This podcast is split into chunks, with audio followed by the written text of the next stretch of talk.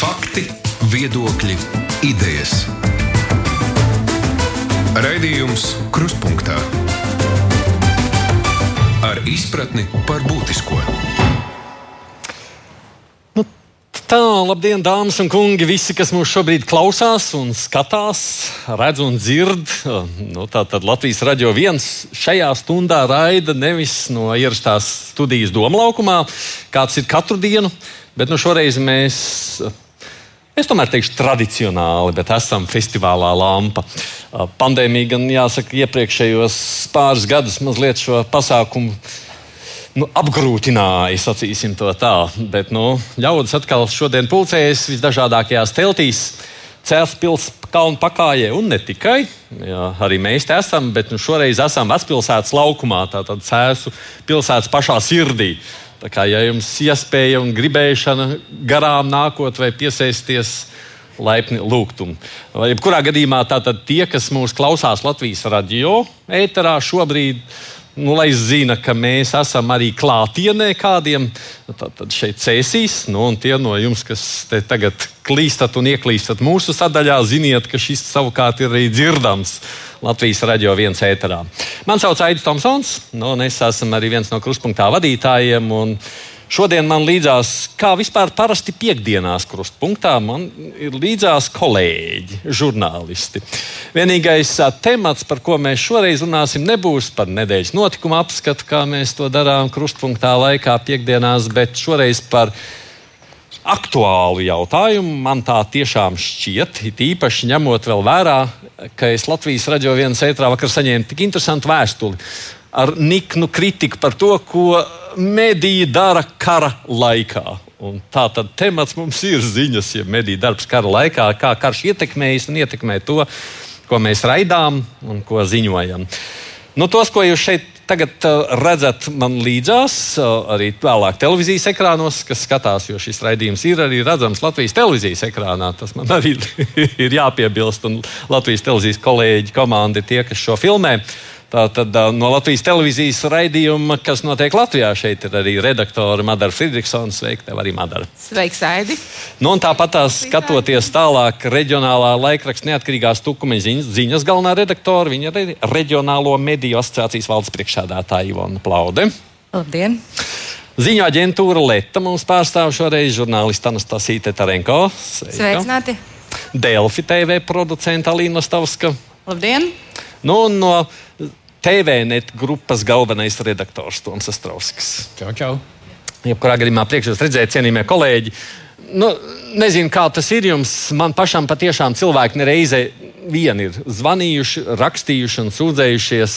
Nu, tās publicētās, ja nu, manā gadījumā, protams, radio pārraidītās ziņas, nu, esot vai nu ar nepārbaudītiem faktiem. Uh, vai propagandas kanāli izplatīts, kas biežāk laikam pat tā kā tiek minēts, un kā mums vispār nav kaut kā kauna to visu raidīt, ko mēs raidām.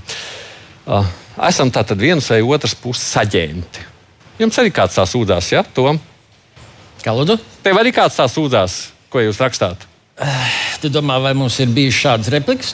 Jā. Jā, ir bijušas un pietiekoši daudz. Man liekas, tas ir bijis arī pirms uh, kara.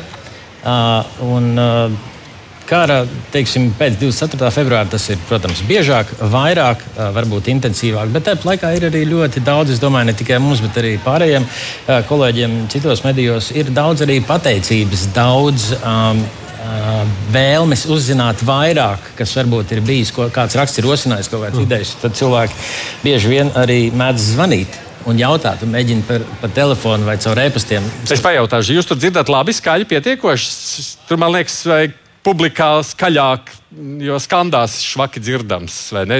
Dabūt skaļāk, jo es pieļauju, ka ētrā mēs esam dzirdami. Man, tu runā skaļāk. To. Man vienkārši ir tā, ka es nevaru to nemākt. Ja man vārda traucē, tad ir baigais kušķis. nu, lūk, bet, zini kā, man, man šķiet, ka tie pārmetumi ir bijuši vienmēr un būs vienmēr. Man liekas, ka tas galvenais, kas mediju, mediju, mediju pienākums ir īpaši uh, uh, kritiskos brīžos, ir rosināt diskusiju. Un, un, uh, man liekas, ka viena no tām diskusijām, kas medijos ir bijusi par mazu, vai par, par maz izklāstīta, varbūt ir, kas ir atbildīgs par karu Ukrajinā. Proti, vai tas ir režīms, vai tas ir auto, autokrāts Putins, vai tā tomēr ir Krievijas tauta. Labi, zinu, ka es mazliet, detaļas. Jā, jā. Es mazliet piegriezīšos uz ziņām. Nu, pieņemsim, Leta. Nu, viņa pamatā ziņo. Nu, kādā veidā jūs pārbaudāt, ko jūs ziņojat? Nu, iz, nu, jo ziņā mūžīgais jautājums ir. Nu, ko vispār ziņot, jo droši vien, ka informācijas ir daudz, vai ne? Otrakārt, ir svarīgi, lai tā informācija ir pārbaudīta, vai ne? Nu, skaidrs, ka kara apstākļi atnesa mums pavisam jaunu darba realitāti, pavisam darbu, jaunu darbu ar faktu pārbaudi. Jo skaidrs, ka cik daudzi no mums vispār atrodas aktuālajā kara darbības vietā, un uh, faktu pārbaude ir kļuvusi par ļoti sarežģītu lietu. Un, ņemot vērā, ka no abām pusēm ir skaidrs, nāk kara propaganda, lai arī mēs jūtam līdzi vienai pusē, mums arī jāatzīst, ka vienmēr Abas puses cenšas sevi parādīt labākā gaismā. Un, piemēram, kara sākumā, kad vispār vēl pagaidām nevarēja norientēties avotos, no kuriem objektīvi varētu ņemt informāciju, tur varēja redzēt, manuprāt, mēdīju laukā nu, nelielu haosu un nelielu apjukumu. Taču, manuprāt, ejot laikam, skaidrs, ka karš ir diemžēl ievilcies un mediju rutīnas ir pakārtojušās šiem te. Um, jaunajiem apstākļiem. Un uh, skaidrs, ka faktu izvērtēšanā un avotu izvērtēšanā nu, ir vajadzīgs tas, varbūt nevienā pateiktais common sense, tas, cik daudz arī žurnālisti un redaktori spēj paši saprast. Uh, apstākļus. Un, protams, ir skaidrs, viens protams, no žurnālistikas pamatelementiem ir piedāvāt visu pušu viedokļus, bet vai kara apstākļos mums ir obligāti jārunā arī par Krievijas pozīciju, kas, kas Vēl, runā par, par to, ka, vai ārā līst lietus, vai arī ārā nelīst lietus, ja mēs redzam, ka ir tieši pretēji tam, kāds. Bet vai nav tā, ka man ir tāda sajūta, nu, mēs tā kā drošāk uzticamies tam, ko pieņemsim? Nu, skaidro Ukrainu. Jo Ukraina, nu, Ukraina ir aktīva šajā karā informācijas sniegšanā, vai ne? Tur arī Stovičs, Gordons un vispār, ja viņi stāsta informāciju.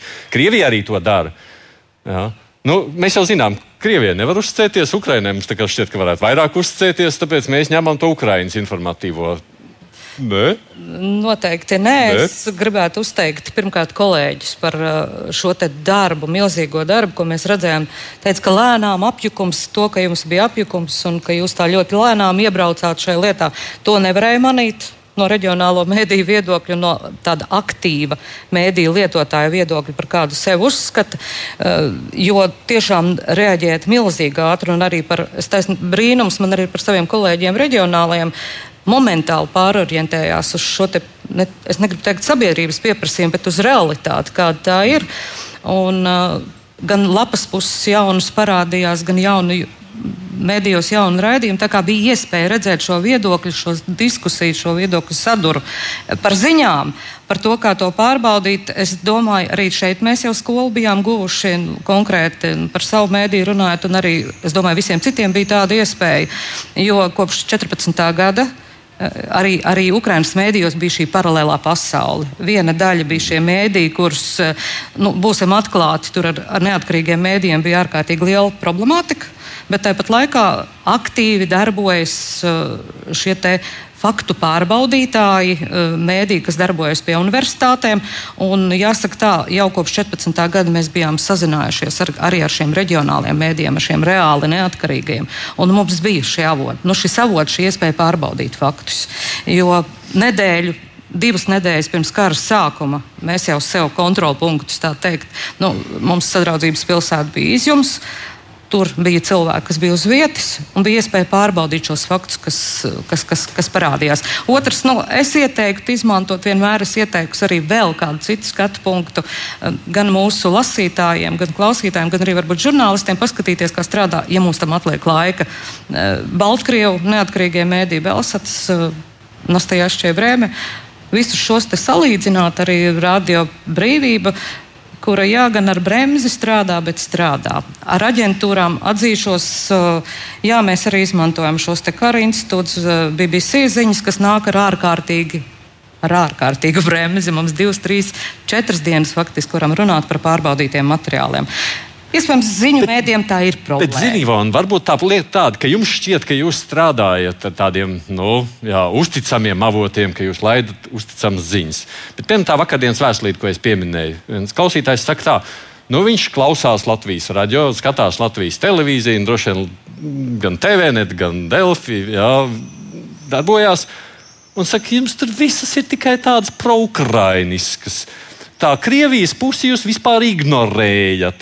Nu, labi, es arī neesmu, es esmu pret kāru, bet man pietrūkst, ka jūs esat kļuvuši vienpusēji. Bet, bet ko tas cilvēks tieši gribētu izlasīt? Viņš gribētu izlasīt kaut ko par tām radioaktīvajām zosīm teroristiem, ko tie Ukrāņi tur kaut kādās slepenajās laboratorijās ir. Bet vai Krievi tikai muļķības runā?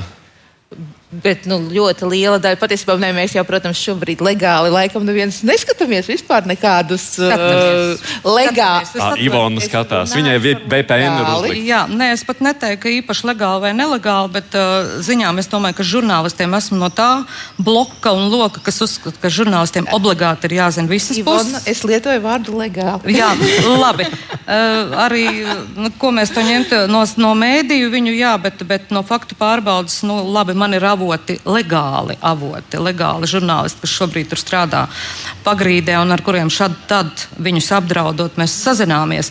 Bet, jā, man godīgi sakot, arī Latvijas, nu, teiksim tā, tā es eh, Latvijas, ka gribēju izmantot vārdu mainstream mēdījos, ja vai tāpat no aģentūrām, man mazliet pietrūks ziņas, eh, kaut vai no Baltkrievijas.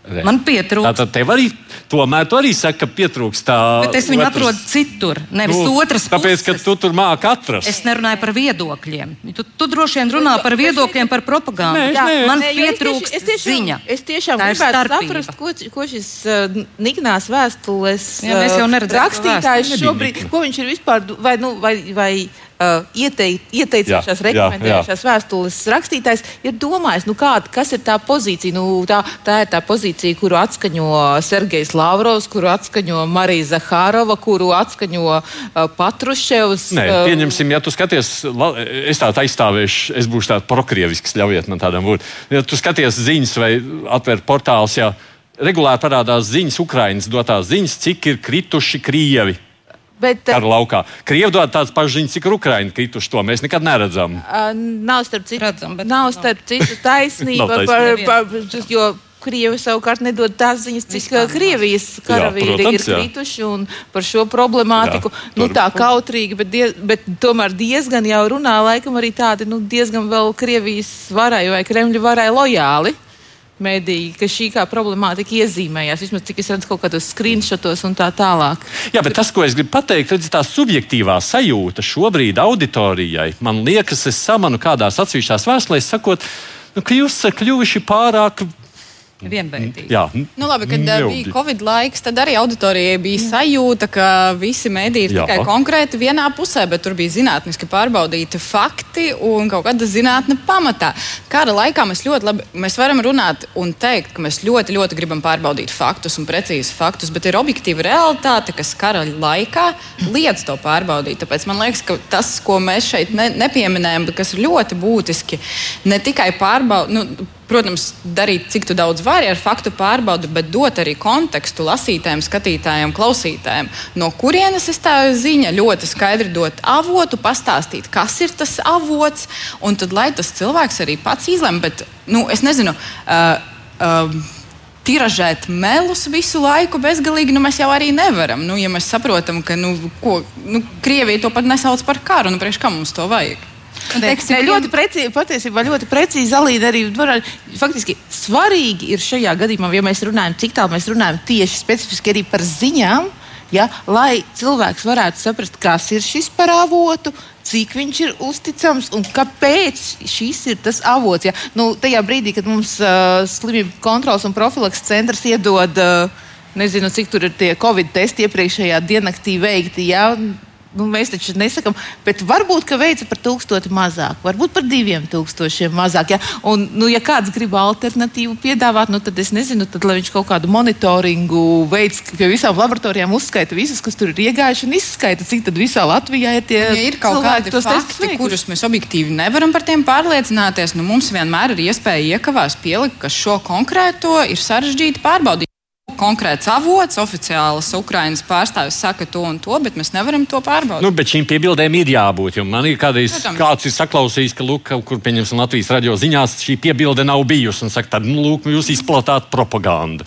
Nu, sakot, tas ir kaut tāds profesionālitāts jautājums. Un, teiksim, ja runa par tiem kritušajiem abās karā nu, iesaistītajām pus, pusēs un runa, runājot par kontekstu, mēs ilgstoši taču neredzējām nekādas ziņas par to, cik kritušo ir Krievijas armijas pusē. Un, manuprāt, tajā brīdī, kas un mēdī to darīja, un tas bija pareizi, ka norādīja uz to, ka Krievija neatklāja šos ciparus, nododot tādu arī auditorijai šo kontekstu un informāciju par to, ka iespējams arī tālāk mēs nevarēsim uzticēties tā informācijai, jo viņi tur nedēļu, divas vai cik jau tas ilgi vilkās, neatklāja neko par cik viņu tur ir, vai viņi tur ir, lai gan visa pasaule to redzēja. Un tas konteksta uzburšana auditorijai, mācot viņu, kā attiekties tālāk, iespējams, par to ziņu. Bet varbūt es aizēju bīstamā teritorijā par nogatavināšanu. Jo šo būtu patiesībā godīgi jāpasaka, ko šad mēdī un diezgan regulāri arī pasaka, ka lūk, tā ir Ukrainas puses viedoklis mhm. un ka tomēr mēs uzticamies un es patiesībā cienu kolēģus par to, ka viņi uzticās auditorijai un cienu savu auditoriju. Neuzskatu, ka auditorija ir tik dumja, ka spēs izsacināt. Tomēr mēs uzticamies, ka mūsu auditorija ir pietiekami gudra, pietiekami prot lietot mēdījus un saprot, ka kara apstākļos ir jāpārbauda šīs ziņas. Tāpēc tiek minēts, lūk, Ukraina saka, Ukrainas puse saka to un to, Krievijas puse saka to un to, vai nesniedz ziņas vispār. Šī piebilde ir, bet es domāju, mēs uzsēdāmies uz tādu faktu, ko patiesībā šobrīd es nezinu, vai pasaulē maz kāds vispār spēja pateikt, cik reāli ir kritušo, cik reāli bojā nu. Un ar to mums vajadzētu skatīties patiesībā acīs, un tas nav tas fakts. Tas, ko es gribēju pateikt, pilnīgi ko citu, ka varbūt šī kara dēļ mēs daudz labāk būtu paskatīties, nu, ja mēs runājam mūsu tiešais kaimiņš Baltkrievija, no kuras mēs šobrīd, nu, ba, teiksim tā, pietiekami bīstams mums un, un apkārtnē. Mēs uh, neredzam varbūt. Uh, iztrūkst, manuprāt, Latvijas mēdīņu telpā tādas būtiskas ziņas, kas tur tagad notiek. Nu, es nezinu, šobrīd pat tādam nu, dzelta, dzelta, dzeltenam mēdījam, ja tā var teikt, nu, šodienas ziņa, ja, ka ir bezvīzu režīmu. Eh, Lukašenko ir paziņojis, ka bezvīzu režīms ar, režīms ar Poliju. Eh, ko tas nozīmē? Ja? Tagad visi varēs braukt šurp, tātad caur Poliju pie mums nāks. Viņš ir atvērts atkal jaunu bēgļu strāmu. Prasītos skaidrojums, ja? ne tikai tā plikā ziņa, ka lūk, mums tur vajag kaut ko no viņiem. Vai teiksim, viņš ir izvietojis jaunu bāzi. Tas, ka tev pietrūkst Baltkrievijas. Jā, nu, arī tas vajadzētu. Jā. Es, es vienkārši gribēju varbūt īsi norazumēt. Kara laikā informācija ir viens no kara instrumentiem. Protams, ka um, Ukraina uh, to izmanto savā labā. Krievija to izmanto savā labā. Bet ņemot vērā, ka karš nesākās 24. februārī, respektīvi situācija gan Ukrajinā, gan ar mūsu lielo agresīvo kaimiņu valsti, Krieviju, nesākās 24. un nesākās arī 2014. Šie, šī, šajā kontekstā Es domāju, ka profesionālā intuīcija un spēja, spriest spēja žurnālistiem, redaktoriem izvērtēt, kas ir uzticams avots, kas nav. Šajā gadījumā bieži vien ir gan valstiskā piedarība, kas ir viens no kritērijiem, un, protams, arī internetā, kur valstiskais uh, kritērijs nestrādā, bet izcelsme un finanšu avoti. Ja tā ir Krievija, tad teiksim, standartā šī informācija ir jāuztver ar lielu skepsi un faktiski jācenzē. Nu, taisnība ir. Šis jā. vārds uh, cenzūra manā skatījumā īpaši kara apstākļos. Ir uh, absolūti pieņemami un nepieciešami. Redz, Tom, tagad, tas, ko tu saki, uh, es nezinu par tevi, vai tu pats nejūties reizēm neprofesionāls. Es reizēm par sevi sāku iedomāties, vai es neesmu kļuvis neprofesionāls. Es ieslēdzu, pieņemsim, Eiroņūs ziņas kur diezgan regulāri atreferē kaut, no, nu, kaut ko, ko Krievija saka. Un man tas reizēm tracina vai kaitina. Es domāju, nu, tā. tā. Ka es kaut ko rupju nepasaku. Es domāju, nu, bāc, nu, ko viņi vispār šito pieminēja, vai ne? Taču tie taču tāpatās. Es taču, nu, tie taču ir mēli. Kāpēc vispār viņus vajag pieminēt? Bet nav jau Jā, tā, ka arī Latvijas ziņu lentās neparādās tas, ko runā Krievijas domē un tā tālāk Krievijas amatpersonas. Uh, varbūt uh, tās ziņas par paziņojumiem ir tādas uh, dzeltenākas, vai kaut kā uz to pusi, teiksim, tur uh, Krievijas amatpersonas paziņo, ka tūlīt iebruks Baltijas valstīs vai kaut ko, nu, kad ir tie uh, īpaši interesantie Krievijas domas deputāti, kur izceļas ar īpaši interesantiem piedāvājumiem. Uh, bet es domāju, ka arī tādām ziņām šajās apstākļos ir sava funkcija parādīt. Uh, kādas domas raisās tās puses cilvēku galvās. Nav fakts un nav zvanīts, ka tām domām ir liels atbalsts, bet tās ir sabiedrības jā, dienas jā. kārtībā, var nokļūt caur ziņām, caur Krievijas propagandas aparātu. Un uh, varbūt nu, tieši tā viņi arī pārbauda. Tātad tu esi spējīgāk objektīvi būt. Man personīgi kādā brīdī te, es palieku tāds pa daudz subjektīvs. Man tas sāk tracināt. Es domāju, ka cilvēciski tas ir normāls stāvoklis. Man liekas, ka arī tracina kaut Jā. kādos momentos, man uznāk dusmas, un, un man ir bijis jāatslābst, lai es varētu turpināt strādāt. uh, uh, bet, uh, zinā, es pieļauju, ka varbūt kad arī vecāks paudzes cilvēki varbūt ir fiksējuši arī tādu lietu. Šis jau nav, mēs neesam jaunos apstākļos šodien. Proti, augstākā laikā bija tieši tāpat, ko darīja Rietuma, ko darīja Radio Brīvā Eiropa un pārējie. Kā viņi atainoja notikumus teiksim, Padomju Savienībā vai Varšavas pakta valstīs.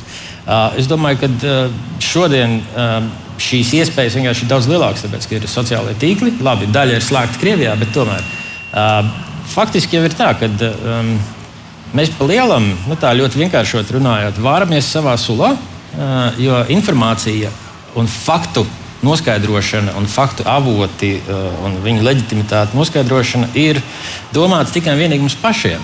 Faktiski jau īsta auditorija ir tie iedzīvotāji, kas dzīvo Krievijā, nu, kuriem būtu teorētiski iespēja kaut ko darīt lietas labā, nu, ja mēs skatāmies uz konkrēto notikumu.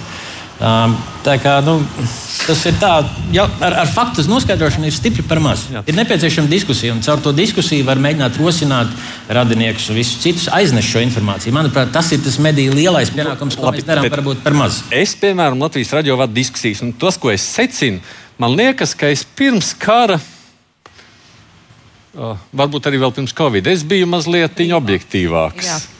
Es esmu kļuvis subjektīvāks. Jā, bet, bet mainījusies arī, es atvainojos, bet mainījusies arī valoda piemēram, ziņās ir kļuvusi ļoti emocionāli piesātināta valoda.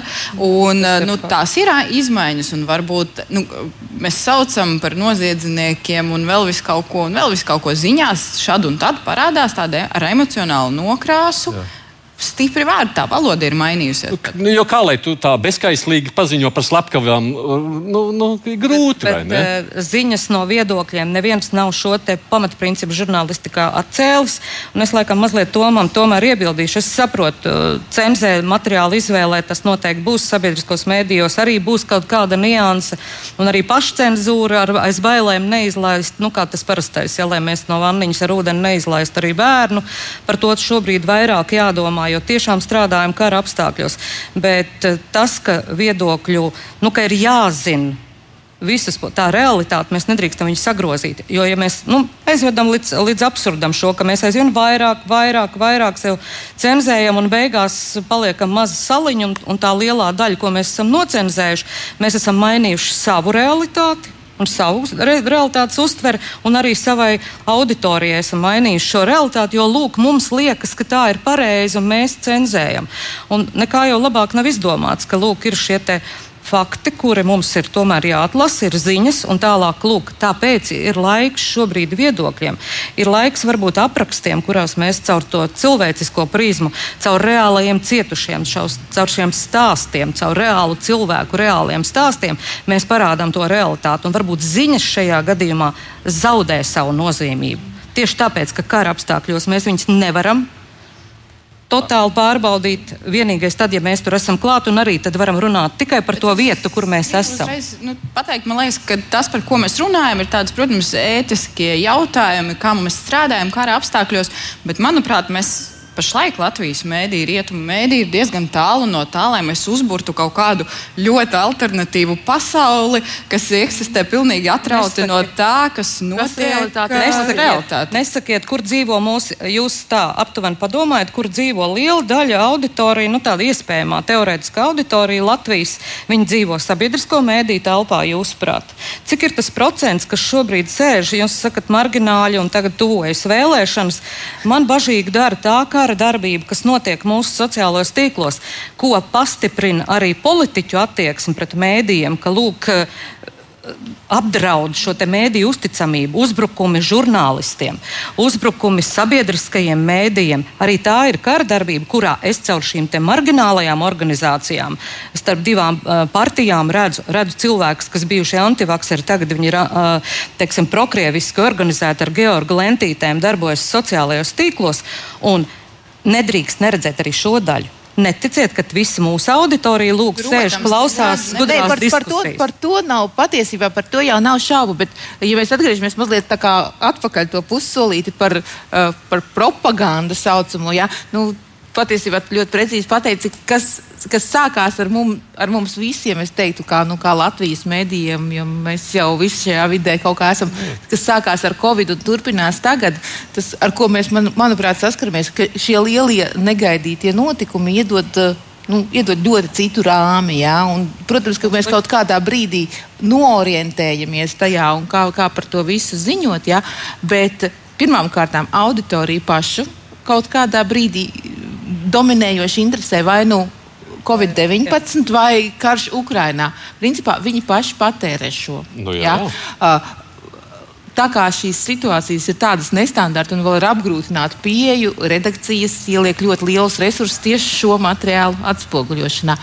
Un tad kaut kādā brīdī rodas šī jautājuma, vai tad citas slimības vairs neeksistē? Jā? Tas, ka tur neviens jau nepaskatīsies, nepaskrolēs tur uz trešo skrolu lejā, vai ne, ka tur būs kaut kas par diabēta situāciju, vai ne, vai kaut kādām teiksim, diskusijām uh, sējumā par kaut kādām C hepatīta zāļu jaunu apmaksāšanu. Jā. Vienkārši tas ir arī tas, tas rāmis, nu, tas ir, tas, ir auditorija. Un tad vienā brīdī viss Viss, jūs redziet, mums te notiek tikai tāda propaganda. Viņi tagad tikai propagandē Covid, viņi tagad tikai propagandē to un šito, vai ne? Un viņi vairāk to ne. Bet tas jau tas, ko es bet kas saku. ir daļēji taisnība, bet, daļ, ne, bet, bet nozīme daļ... ir mazinājusies. Ja tu ziņas nevar tā, manuprāt, tā būtu godīga attieksme arī pret auditoriju. Ja tu ziņas šobrīd par katru cenu nevar savākt, un viņas tu ja tu viņam nevari uzticēties, nu, tu neesi pārbaudījis, tu saproti, ka tu to avotu nevari pārbaudīt. Tad labāk, eh, es nezinu, vai to var atļauties sabiedriskie mēdīji un aģentūras. Ja jums ir jāražo tās ziņas, par to nu, paskatieties, bet objektīvi. Es, es pabeigšu. Es uh, gribu tomēr pateikt, neviens te nemudina uz propagandu vai kaut nē, ko. Nē, nē, nē, ir par... kaut kāds laiks, kad, piemēram, ir normāls laiks, notiek noziegums. Ir tiesa, pēc tiesas cilvēku atzīst par noziedznieku, piemēram, vai attaisno. Jūs man neļāvāt pabeigt šo šajā gadījumā, kad ir karš, kad mēs nonāksim līdz kādam oficiālam lēmumam par to, kurš ir konkrēti vainīgais un līdz kāda tiesas rezultātam, paies ļoti ilgs laiks, visticamāk. Nē, nē, nē, es nerunāju līdz vainīgam, tas jau ir vērtējums, jūs izsakat, bet tieši par katrām ziņām. Un ja mēs viņus nevaram tieši viņām uzticēties, tad mēs varam citu. Uh, žurnālistikā ir pietiekami daudz žanru, un tas, ko es jums saku, eh, ir caur, caur reālu personu, kur jūs varat uzticēties, reāli notikumos esošu cilvēku, šis stāstus. Tieši tas, ko mēdīja dara, un sabiedriskie mēdīji dara vienkārši izcili. Ja? Ehm, spēj šo eh, realitāti pasniegt, arī neizmantojot varbūt ziņas, kuras uzreiz nevar pārbaudīt. Bet tas, ko es gribēju vēl eh, šo niansu, par ko mēs, mēs kaut kā dziļi esam iegājuši, vai mēs strādājam labi vai nē, protams, varu slavēt tikai žurnālistus Es neredzēju šo milzīgo pārs, pārslēgšanos, uzreiz tā reakcija arī bija uz realitātēm. Bet, Kā karš ir izsvēris arī visas tās problēmas un problēmas, kādas mums bija arī pirms tam. Viņš ir izgaismojis. Izgaismojis, izgaismojis. Tas, tā ir tā lielā iespēja, ko, manuprāt, mēdījiem, žurnālistiem būtu jāizmanto. Caur mēs, mēs jau zinājām, ka tur, nu, teiksim, mūsu nodarbinātības valsts aģentūra tā dīvaini strādā un tās apmācības tur tādas dīvainas. Mēs zinājām, ka tur ar pasēm mums trīs mēnešu problēmas un ka tur jāstāv aiz durvīm pat tad, kad Covid jau ir beidzies. Bet tagad mēs redzam, ka tās ir cilvēkiem tās ir izdzīvošanas jautājums. Ja, ja Ukrāņi vai Baltkrievi, kur šeit ir ar alternatīvo statusu, viņi vienkārši sēž uz ielas dienām, vai viņiem paziņo latviešu, jo jārunā valsts valodā ierēģim, ka tev ir jābrauc uz valku no, no Kandavas, lai saņemtu pasi, ja, piemēram. Bet tā šis dienests ir strādājis. Man drīzāk liekas, ka mums vajadzētu skatīties, risināt, izmantot šo lielo, šo lielo iespēju, ka cilvēki tiešām par to interesēs, ka tas karš ir izgaismojis. Mums ir redzams arī citas lietas, kā, manuprāt, jā, tas ir ļāvis. Nu, sarunai citu rakursu, ja gribētu iedot to, ka mums ir tā, tā lielā iespēja, ko mēs arī šobrīd labi tiekam galā, bet ko mums varbūt traucē, ar ko traucē tikt galā gan politiķu šie uzbrukumi, varbūt nepietiekamā prasme zināt, ko, kas ko no mēdījiem var prasīt. Ir sevišķi sabiedriskajiem mēdījiem. Es redzu, ka ir pasūtījums, nāk vēlēšanas, lūk, šo te komplementārismu. Joprojām politiķi gaida, ka runājat par mums, par to, cik mēs labi par karu spriežam. Tas ir bijis vienmēr. Nu, Jā, Ivan, tas ir. Bet kara apstākļos Jā, tas ir briesmīgi. Ivona, man ļoti patika tas stāsts par to izgaismošanu, bet eh, parasti ir tā, ka tajā brīdī, kad tu pagriez to lampu vai kāds lukturīt uz to vienu pusi, jau, piemēram, ieraugt to PMLP, uh, eh, tu viņu no, novērst no kaut kā cita. Un, uh, tā bija tā viena lieta, kas man bija pandēmijas laikā mazliet neformulēta. Kara laikā arī līdz galam īsti neformulēta. Bet, uh, es viņu dzirdēju pagājušajā nedēļā Kristo Gorzevam vienā intervijā. Viņš teica, jūs saprotat, cik daudz kara laikā tur viņam bija mazliet cits mm -hmm. konteksts. Staigā teiksim, šīs pelēkās naudas un notiek mm -hmm. kaut kādas lietas, Teica. par kurām ir tā, ka vai nu tu vai nu mēdīji viņas nepamana vispār, tāpēc ka visiem ir. Tā kā skatās uz to vietu, kur krīt šī baterija un uztraucās par uh, PMLP vai nodarbinātības valsts dienestu vai vēl kādu. Ja? Vai nu vienkārši ir tā, ka nu, uz šo lielā notikuma, uz kara fona. Tas taču ir tāds sīkums, nu kā tu iesi tur kaut ko tur kasīties, vai ne par tādu nieku. Nu, to, to centīsies, jā, to gan izmanto politiķi. Meži glukamāti lauksaimniekiem. Ja? Lobbyis droši vien. Ir daudz jūs... tematu, protams. Jā. Es tikai atgādināšu nos. skatītājiem, klausītājiem, lai zinātu, kas mums te piedalās. Tiepaši, kas te nāk un iet arī gal galā zinātājiem. Tātad mums šeit ir pieci kolēģi žurnālisti, kas eh, šajā diskusijā ir aktīvi. Ivana Plaude, kas pārstāv neatkarīgās tukuma ziņas, uh, Madara Friedrichsona, kas notiek Latvijā. Nu, tad mums ir Alīna Stovska no Delfa TV, Anastasija Trenko no ziņa aģentūras Leta un Toms Astrovskis no TVNet grupas. Bet uh, skatoties tālāk, mazliet, es tomēr pie tās uh, politiskās spiediena mazliet palikšu pie tā. Ir jau tā, ka šis karš arī uzliek mazliet tādu emocionālu uh, spiedienu ne tikai no politiķiem, bet arī no klausītājiem, un skatītājiem un lasītājiem būt mums mazliet subjektīvāk. Jo tiklīdz tu kaut ko tur ne tādu pasaki. Tā viņi saka, kur tad ir tavs patriotisms? Mēs jau to mazliet vairāk izjutām, sākām izjust tad, kad sākās šis Baltkrievijas. Uh, nu, nezinu, migrantu, kā lai viņas nosauc, jā, tāds spiediens uz robežas. Un es domāju, šajā karlaikā mēs to īpaši jūtam. Nu, tās maņas ir sāsinātas. Ar to, nu, to, to vienkārši jāpieņem, ar to kaut kā jāsadzīvo nu, pats galvenais un primārais, kas mums ir jāatceras, savu, ka mēs strādājam žurnālistikā, un žurnālistikā ir savas funkcijas un savi uzdevumi. Uh, veicināt patriotismu nav īsti žurnālistikas darbs.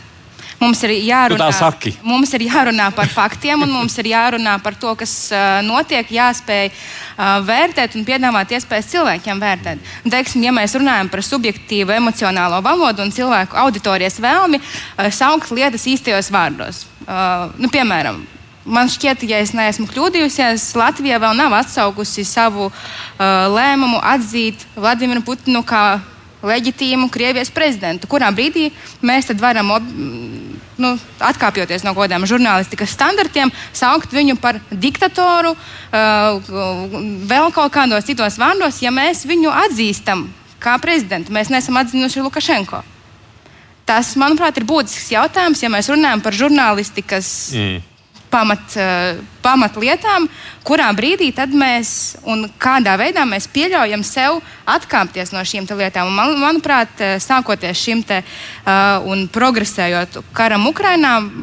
Tas būtu īstenībā ļoti interesants pētījums, kā mēs aizejam no normām.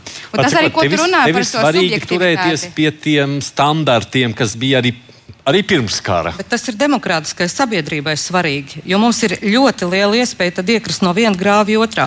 Nu, pieņemsim, viena no lietām, ko Latvijas raidījā, es gandrīz katru nedēļu dzirdu pārmetam, nu, ir pieņemsim iela intervijas. Un tur viena daļa atbild Krievijas valodā. Vajag vispār ļaut uzrunāt. Nu, mums ir valsts valoda. Ne, viņš šī... nemāķi latviešu valodu, lai viņš iedilēs. Šī, manuprāt, ir mana lielā sāpe. Esmu kategoriski no tā viedokļa paudēju, ka mēs esam Daudz stiprāk mums bija jādarbojas krievvalodīgajā telpā, sabiedriskiem mēdījiem bija jāstiprina krievu valodā eh, raidošie, rakstiešie, jo mēs to arī tagad redzam ar, ar, ar, gan ar ukraiņu bēgļiem, viņiem gan nav bēgļi, bet patiesībā viņiem ir alternatīvais status, tāpat ar Baltkrieviem, un eh, redzam arī ar vienu daļu. Nu, kā tad mēs ar viņiem runāsim tagad ar to mūsu otru sabiedrības daļu? Jā, kā labi, tad mēs bet, runāsim? Bet es ja neieiešu iekšā šajā tematā. Tas, ko es saku, nu, mēs, tas emocionālais spiediens. Tāds nebija pirms gada. Nu, pirms kara nebija. Ja? Tāpēc tik liels. Tagad tas kļūst ar vien lielāks. Vai arī tu to sāsinātāk uztver? Jā, nē, nē, tāpēc, ka man tagad nu, man nezvanīja uz brīvo mikrofonu iepriekš tik daudz cilvēku par šo, kā tagad zvana. Nu, tas sabiedrības spiediens ir lielāks. Un viņš izpaužās gan caur politiķiem, arī caur politiķiem. Mums taču ir uh, nu, ne, nu, arī nacionālā ne, politiskā ne, spēki, kas saka, ka sabiedrībā vienmēr ir bijušas dažādas. Dažād, arī, arī, pat ļoti, arī pat ļoti mierīgos laikos ir bijušas ļoti daudz un dažādas diskusijas par to, kādēļ mēdīji kādam kaut kur dod vārdu, nedod vārdu, kam par daudz, kam par maz, uh, kāpēc drīkst, kāpēc nedrīkst. Ka, nē, šī tagad mums ir jābūt visiem vienotiem tam. tam tam mēs nedu, nu, nevajadzētu dot vārdu, izlikties, ka viņš nav. Tā mums ir sabiedrisko mēdīju problēma. Tad ir, tad ir tas jautājums patiesībā vienmēr, jā, vai, vai mūsu, kā ja mēs pieņemam, ka mēdīja tomēr ir kaut kāds sabiedrības spogulis. Ir, rādīt to pasauli visā tās krāšņumā, arī ar visām tām pumpām un rētām un, un, un, un, un kārpām, kuras daudziem negribās redzēt, vai ne, uz tās sabiedrības sejas, vai arī dzen, nu, izlikties, ka ir kaut kāds tāds ļoti labvēlīgs tāds rakurs, kur visi atnāk, pasaka tos pareizos viedokļus, ko visiem patīk dzirdēt. Ar es, ko tad, ar ko tad mēs atšķiramies no tā, no kā Tieši mēs tā. Tad, tā. gribam uh, tik ļoti atšķirties? Ja mēs pasniedzam visu tikai rozā, rozā krāsā un nerādām par to, kas, kādas mums ir problēmas. Šajā jautājumā vēl ļoti būtiski, kurš izsakās par ko, jo mums ir uh, nu, kaut kādā brīdī cilvēki, kuri ir eksperti visos jautājumos, un tas ir jautājums arī par kompetenci. Nu, kādiem cilvēkiem par kādiem jautājumiem mēs dodam to platformu? Respektīvi, viedokļu daudzveidībai un dažādībai noteikti ir jābūt. Vienkārši ja, nu, ir arī svarīgi, lai cilvēks, ja viņš sniedz ekspertīzi, tad tas būtu viņa ekspertīzes lauciņš. Jā, ne, bet pat Jā un nē, jo vienā brīdī mēs, principā, cilvēks ir cilvēks eksperts, ja, bet tajā pašā laikā, nu, es atvainojos, cilvēkam, kurš baidās no potēm, Vai cilvēkam, kuram nav skaidrs, kura ir viņa tuvākā bumbu patvērtne, nav jābūt ekspertam. Viņš principā var būt vienkārši cilvēks, kurš ir šīs sabiedrības daļa, kurš Vīdāk, dzīvo ar šo savām bailēm. Tikai, nu, protams, ja tu paudi bažas, tu runā par to, kas tevi satrauc, tur tev nevajag ja būt uh, satraukuma ekspertam. Bet, kad tu atbild uz tām bažām un skaidro jau nu, no tādām pozīcijām stāsti, tad tas ir būtiski. Jā, bet tā, kolēģi, tas, ko es gribēju šajā kontekstā jā. jautāt arī to pēdējā brīdī mazāk runā, tāpēc es tevi skatos. Uh, vai ir tā, ka karš liek mazliet, vai karam vajadzētu likt arī medijiem pārskatīt, mazliet tā kā, nezinu, mainīt savu politiku, kāda tā bija pirms kara, nekā tāda? Nu, Protams, vai mēs strādājam pēc tiem pašiem standartiem, kā tas bija pie karš, jo tie ir objektīvi standarti. Vai tomēr karš liek kaut ko mainīt? Uh, es domāju, ka uh, neliek mainīt. Neliek. Bet uh, ir, ir būtisks moments. Uh, Proti, emocionāli politiskais, kā tu minēji. Emocionālais Jā. ir tīri personiskais, un politiskais ir no ārējais. Īpaši vēlēšanu kontekstā. 14. gadā bija identiska situācija. Mums bija vēlēšanas rudenī, ja nemaldos. Mm -hmm. Karš sākās 14. gada februāris, marts. marts jā, plus mīnus. Sākot pirms tam ar Maidanu.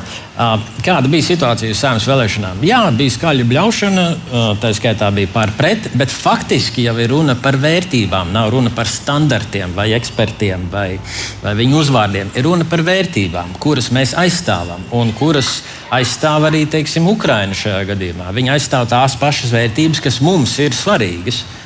Un šī iemesla dēļ mēs varam atkāpties no kaut kādiem standartiem. Jā, mēs ar šo varam um, uzsvērt to, par ko mēs esam, par ko mēs uh, iestājamies, par ko mēs uh, esam gatavi arī mirt, ja tāda nepieciešama. Bet tas attiecas uz privātiem mēdījiem vai arī uz sabiedriskajiem? Manā skatījumā tam tā, es īsti mūsu diskusijas kontekstā nedalu sabiedriskie vai komerci. Ja, nu, ma, jo, jo tas ir tāds strīdīgais jautājums, vai ne? Nu, nu. No standartiem atkāpties nevar. No žurnālistikas standartiem atkāpties nevar, jo tad mēs esam. Mēdījis ir balsts demokrātijai. Tad mums vairs nav, tad mēs demokrātiju esam nolaiduši podā atvainojumu. Respektīvi, tu dzirdi, kad es esmu kontrastā ar tevi. Es runāju par vērtībām. Ar ko standarts? Ziņa. Ziņu standarti, žurnālistikas mediju standarti atšķiras no vērtībām, kuras mēs pārstāvam. Nu, tu iz, ar vienā sakot, ziņu, ziņu izvēle vienmēr paliek. Ja, tur, kur mēs tā teikt, mēs nevaram nu, pilnīgi visu objektīvo no Objektivitāte, Jā. profesionālā intuīcija, vispārējais, tās jau ir tās vērtības, kas ir pagātnē. Nu, ja mēs Jā, pie, patiesībā jautājums ir tāds mazliet šajā sakarā, vai nav tie mediju žanri vai žurnālistiski žanri nedaudz par šauru kļuvuši. Mums, principā, diezgan līdz ar drukāto mediju lielā mērā no, noiešana no skatuves ir samazinājies teiksim, tāds politiskais komentārs, tāds redakcijas vērtojošais komentārs, ka, ka Nē, ne, tav, ne tavā Jā. konkrētajā laikrakstā. Uh -huh. Bet, ja mēs domājam par piemēram tiem pašiem sabiedriskiem mēdījiem un interneta portāliem, faktiski tur šis žanrs nepastāv. Jā?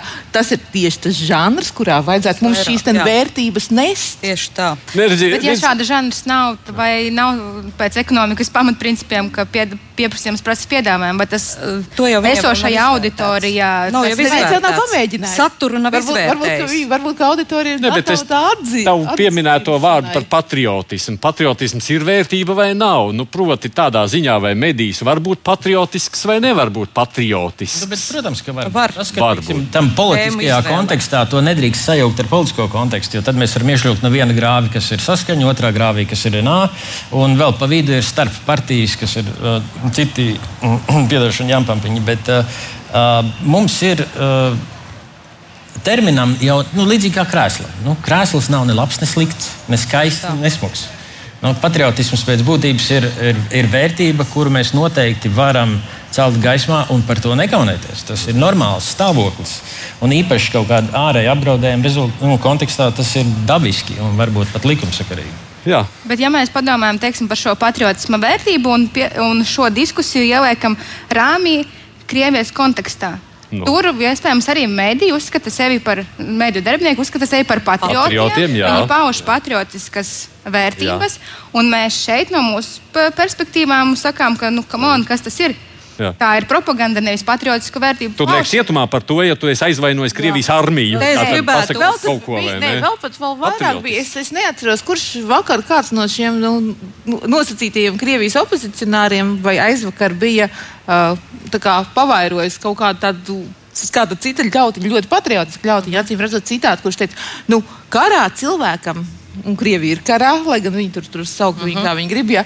Kādā cilvēkam ir jābūt par savu valsti, pat ja viņš saprot, ka viņi dara nepareizi, bet viņam ir jābūt par savu valsti. Ja. Un iedomājieties, nu, nu, nu, tas ir šis rāmējums savā ziņā. Kā, nu, Tāpēc es gribētu uzsvērt, ka mē, mums ir Mums ir mēdīja etikas padoma, mums ir sava mēdīja etikas principa, un mēs esam atraduši, kas ir galvenā mēdīju vērtība. Un jebkura mēdīja, privāta, tāda vai šāda, lai mēs viņu teiktu, ka tas ir pro, vispār profesionāls un vispār mēdījis, tā ir uzticamība. Un cilvēki mīļie runājot gan par patriotismu, gan par ziņu kvalitātēm, gan par visu citu. Mums ir, šis ir jātur augstākais karoks ka mēdījiem ir jābūt uzticamam. Un tad mēs varam runāt, ka mums ir jābūt savas valsts patriotiem. Un te ir stāsts par to, vai mēs ļaujam runāt par Latviju kā par neizdevušos valsti vienalga. Vai vakcīnu kontekstā, antivakserismu kontekstā, vai, vai teiksim, kontekstā par nocirstajiem mežiem vai par karu. Nu, tas, tas ir pilnīgi otršķirīga lieta. Vispirms ir šī uzticamība. Es redzu, jūs rokas, es vispār grasījos pastaigāt ar publiku, bet jūs esat pietiekoši interesanti. Es īsti nezinu, vai, kā, vai kāds publikā vispār par medijiem grib izteikties. Es vienkārši skatos, tas radio klausītājiem nē, pašlaik neredz. Tad mēģiniet kaut kā dot man ziņu.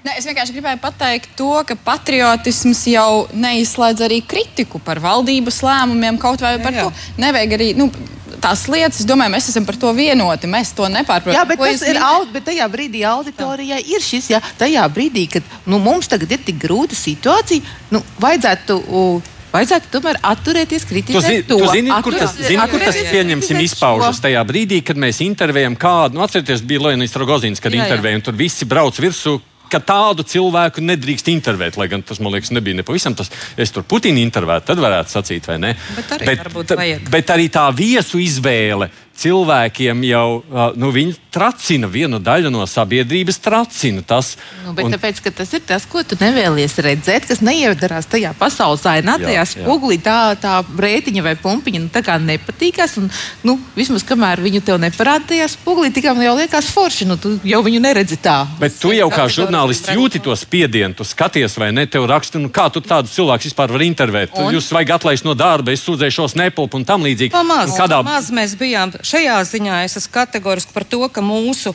žurnālistu saime bija par maz aktīva, par maz aktīva aizstāvot savus kolēģus, kam atļāvās uzbrukt politiķi.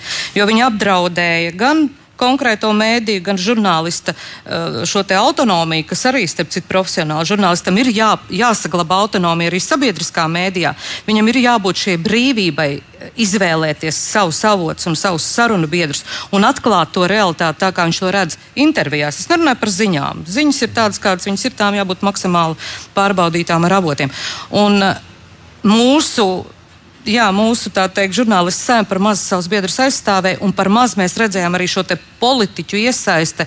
Uh, aizstāvot īpaši sabiedriskos mēdījus, īpaši mūsu kolēģis. Un mēs redzam tiesas lēmumus, un tie ir tā noklusēti. Jā, tur vinēja. Ja? Tu saki, ka šī ir lieta, kurai vienkārši jāstāv pretī šim emocionālam jā. spiedienam, ir jāstāv jā. pretī. Jā. Es domāju par jautājumu, ko drīkst, ko nedrīkst, ko ir labi, ko ir slikti intervēt. Manuprāt, intervēt jau var jebkuru. Ir jautājums par žurnālista profesionalitāti. Arī Putinu ja jā, būtu oblā, iespēja, jā. vajadzētu intervēt, jo, jo nu, tas ir mans viedoklis. Vajadzētu. Uh, jo tas tā ir iespēja nepastarpināti ne caur, ne caur Krievijas propagandu uzzināt kaut ko. Uzzināt, ko viņš melo. Nu, nu, kāda jēga runāt ar cilvēku, kur tu zini, ka viņš tā patās patiesību nerunā? Tāpēc es arī runāju par, par profesionālitāti. Žurnālistiem ir jā, ne tikai jāatnāk ar lapu ar sagatavotiem jautājumiem, bet jāspēj aktīvi klausīties un, un vajadzības gadījumā norādīt, bet jūs teicāt tā vai vēl kaut kā citādāk. Un man saka, nav karš Ukrainā, un tu saki, bet ir. Nu, bet tad, kur jūs tiekat tālāk? Jā, jā, jā. un tur ir divi. Bet nesarunāties divi, nedrīkst. Intervija, intervija ne, es nesaku, ka nevajag jā. intervēt. Es vienkārši saku, protams, piedod, uh, ka, protams, vajag dot to kontekstu, bet tas laikam nevis tādas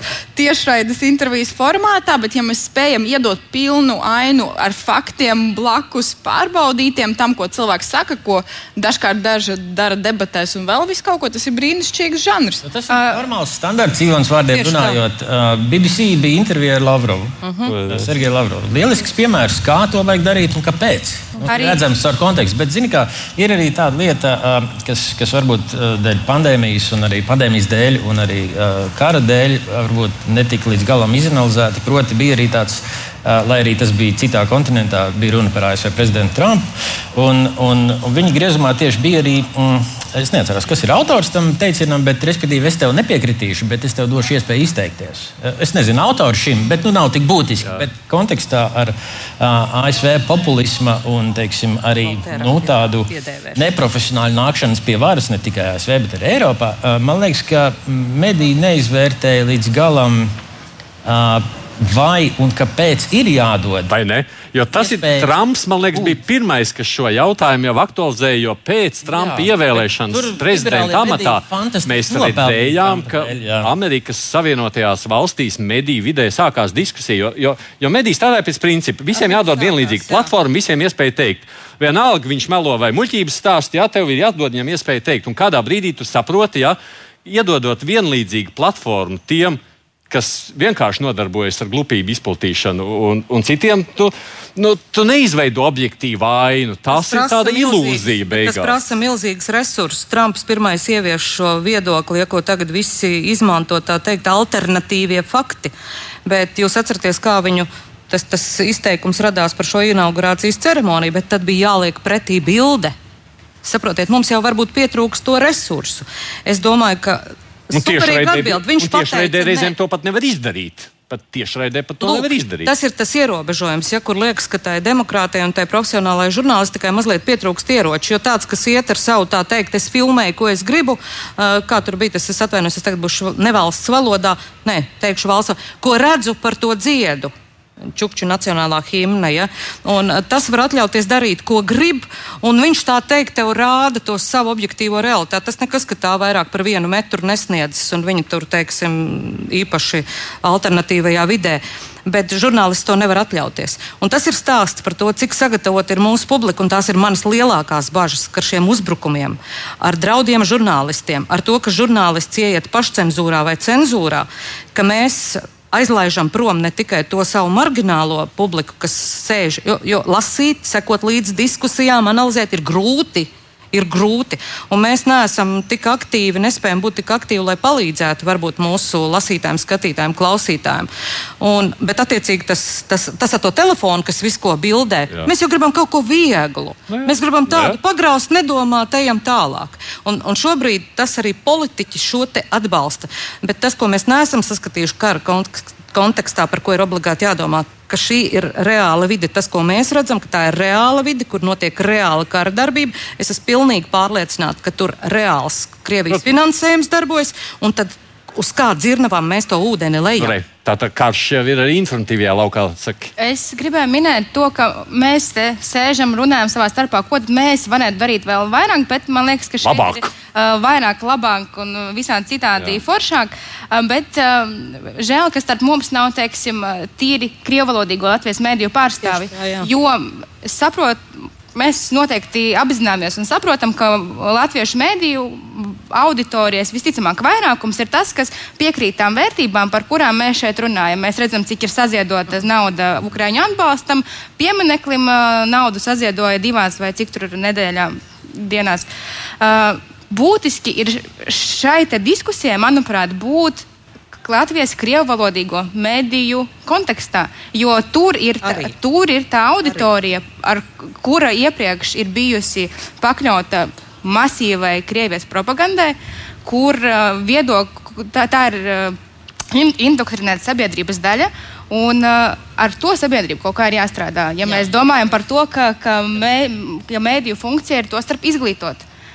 Jā, Vienīgais, nu, ir, jau, ir jau tā, nu, mēs jau nerunājam par ar, ar to sabiedrības daļu. Es saprotu, ko tu domā trešajā personā. Nu, tie ir tie paši tie esam mēs, mēs. tie paši, kuri mēs, mēs neesam izdarījuši ļoti daudz savus mājas darbus. Nu, tur visiem zināmās lietas, uh, izglītība valsts valodā un veselu čupu citas lietas. Un šī iemesla dēļ arī tas, ko es sākumā varbūt iestarpināju par ātri, tad, kad man sākumā jautāja, proti par to atbildību. Un šī diskusija medijos, manuprāt, bijusi ļoti daudz stipra par maz. Jo uh, daļa no uh, citautiešiem, kas ir faktiski citādā, citā valodā runājuši, nevis latviešu, uh, ir informatīvā telpā, kurā mēs viņus esam savā veidā iestūmuši ar savu ne, neizdarību, vai arī mērķiecīgi, īpaši politiski. Bet ko mēs varam darīt lietas labā? Un, ir jābūvē tilts. Jābūvē tilts, bet tiltu var būvēt ar ļoti praktiskām lietām. Un pirmā kārtā jau nevis ejot retrospektīvi uz apakaļ, uz vēsturi, skatoties, ko mēs neesam izdarījuši, bet skatoties, ko mēs varam izdarīt šodien. Viens no tiem ir ļoti vienkāršs jautājums. Diskutēt par to, kas notiek Āmeņu valstī un kāpēc. Un kāpēc ir ļoti viens, viens, viens jautājums. Jebkurā gadījumā Rabām. mums ir jābeidz. Es priecājos, stunda paskrēja nemanot ar jums runājot, bet es saprotu arī to, ka šī diskusija varbūt mūsu klausītājiem mazliet ielūkoties tādā žurnālistikas virtuvē Labi, šajā reizē. Bet viņi ir ļoti vajadzīgi pašiem žurnālistiem, jo būtībā jau tā nav tikai tīrā žurnālistiskā diskusija, un tā nav tikai sabiedrības diskusija. Tā ir tāda kopējā diskusija. Galu galā mēs jau gribam pārstāvēt sabiedrību savā darbā, un mēs jau strādājam sabiedrībai, un ne jau kādiem citiem. Paldies jums, kolēģi, par to, ka atnācāt šeit uz lampu, un paldies tiem, kas arī spējāt saules karstumā paskatīties un sekot mums līdzi. Kopā ar mums šeit bija Toms Strauskis no TVNet grupas galvenais redaktors, no ziņa aģentūras Leta, žurnāliste Anastasija Tetarenko no Delfi TV, producenta Alīna Lastovska, neatkarīgās tukumziņas galvenā redaktore Ivona Plaude un Madara Friedrichsona ir Latvijas televīzijas raidījuma, kas notiek Latvijā redaktore. Uh, nu, jā, lampa jau turpinās. Tā kā es domāju, visi, kas te nāk, droši dodieties šurp. Es arī vēl kādos pasākumos ceru šīs dienas garumā iesaistīties. Savukārt, runājot par kruspunktā, pirmdien kolēģei Mārai Jansonai temats būs arī nu, šī paša kara turpinājumā saruna par bēgļiem. Viņas viesņi būs biedrības gribu palīdzēt bēgļiem. Valdes locekla Linda Jakobsona. Pirmdien kruspunktā turpina skanēt. Paldies jums visiem! Tiekamies atkal tālāk!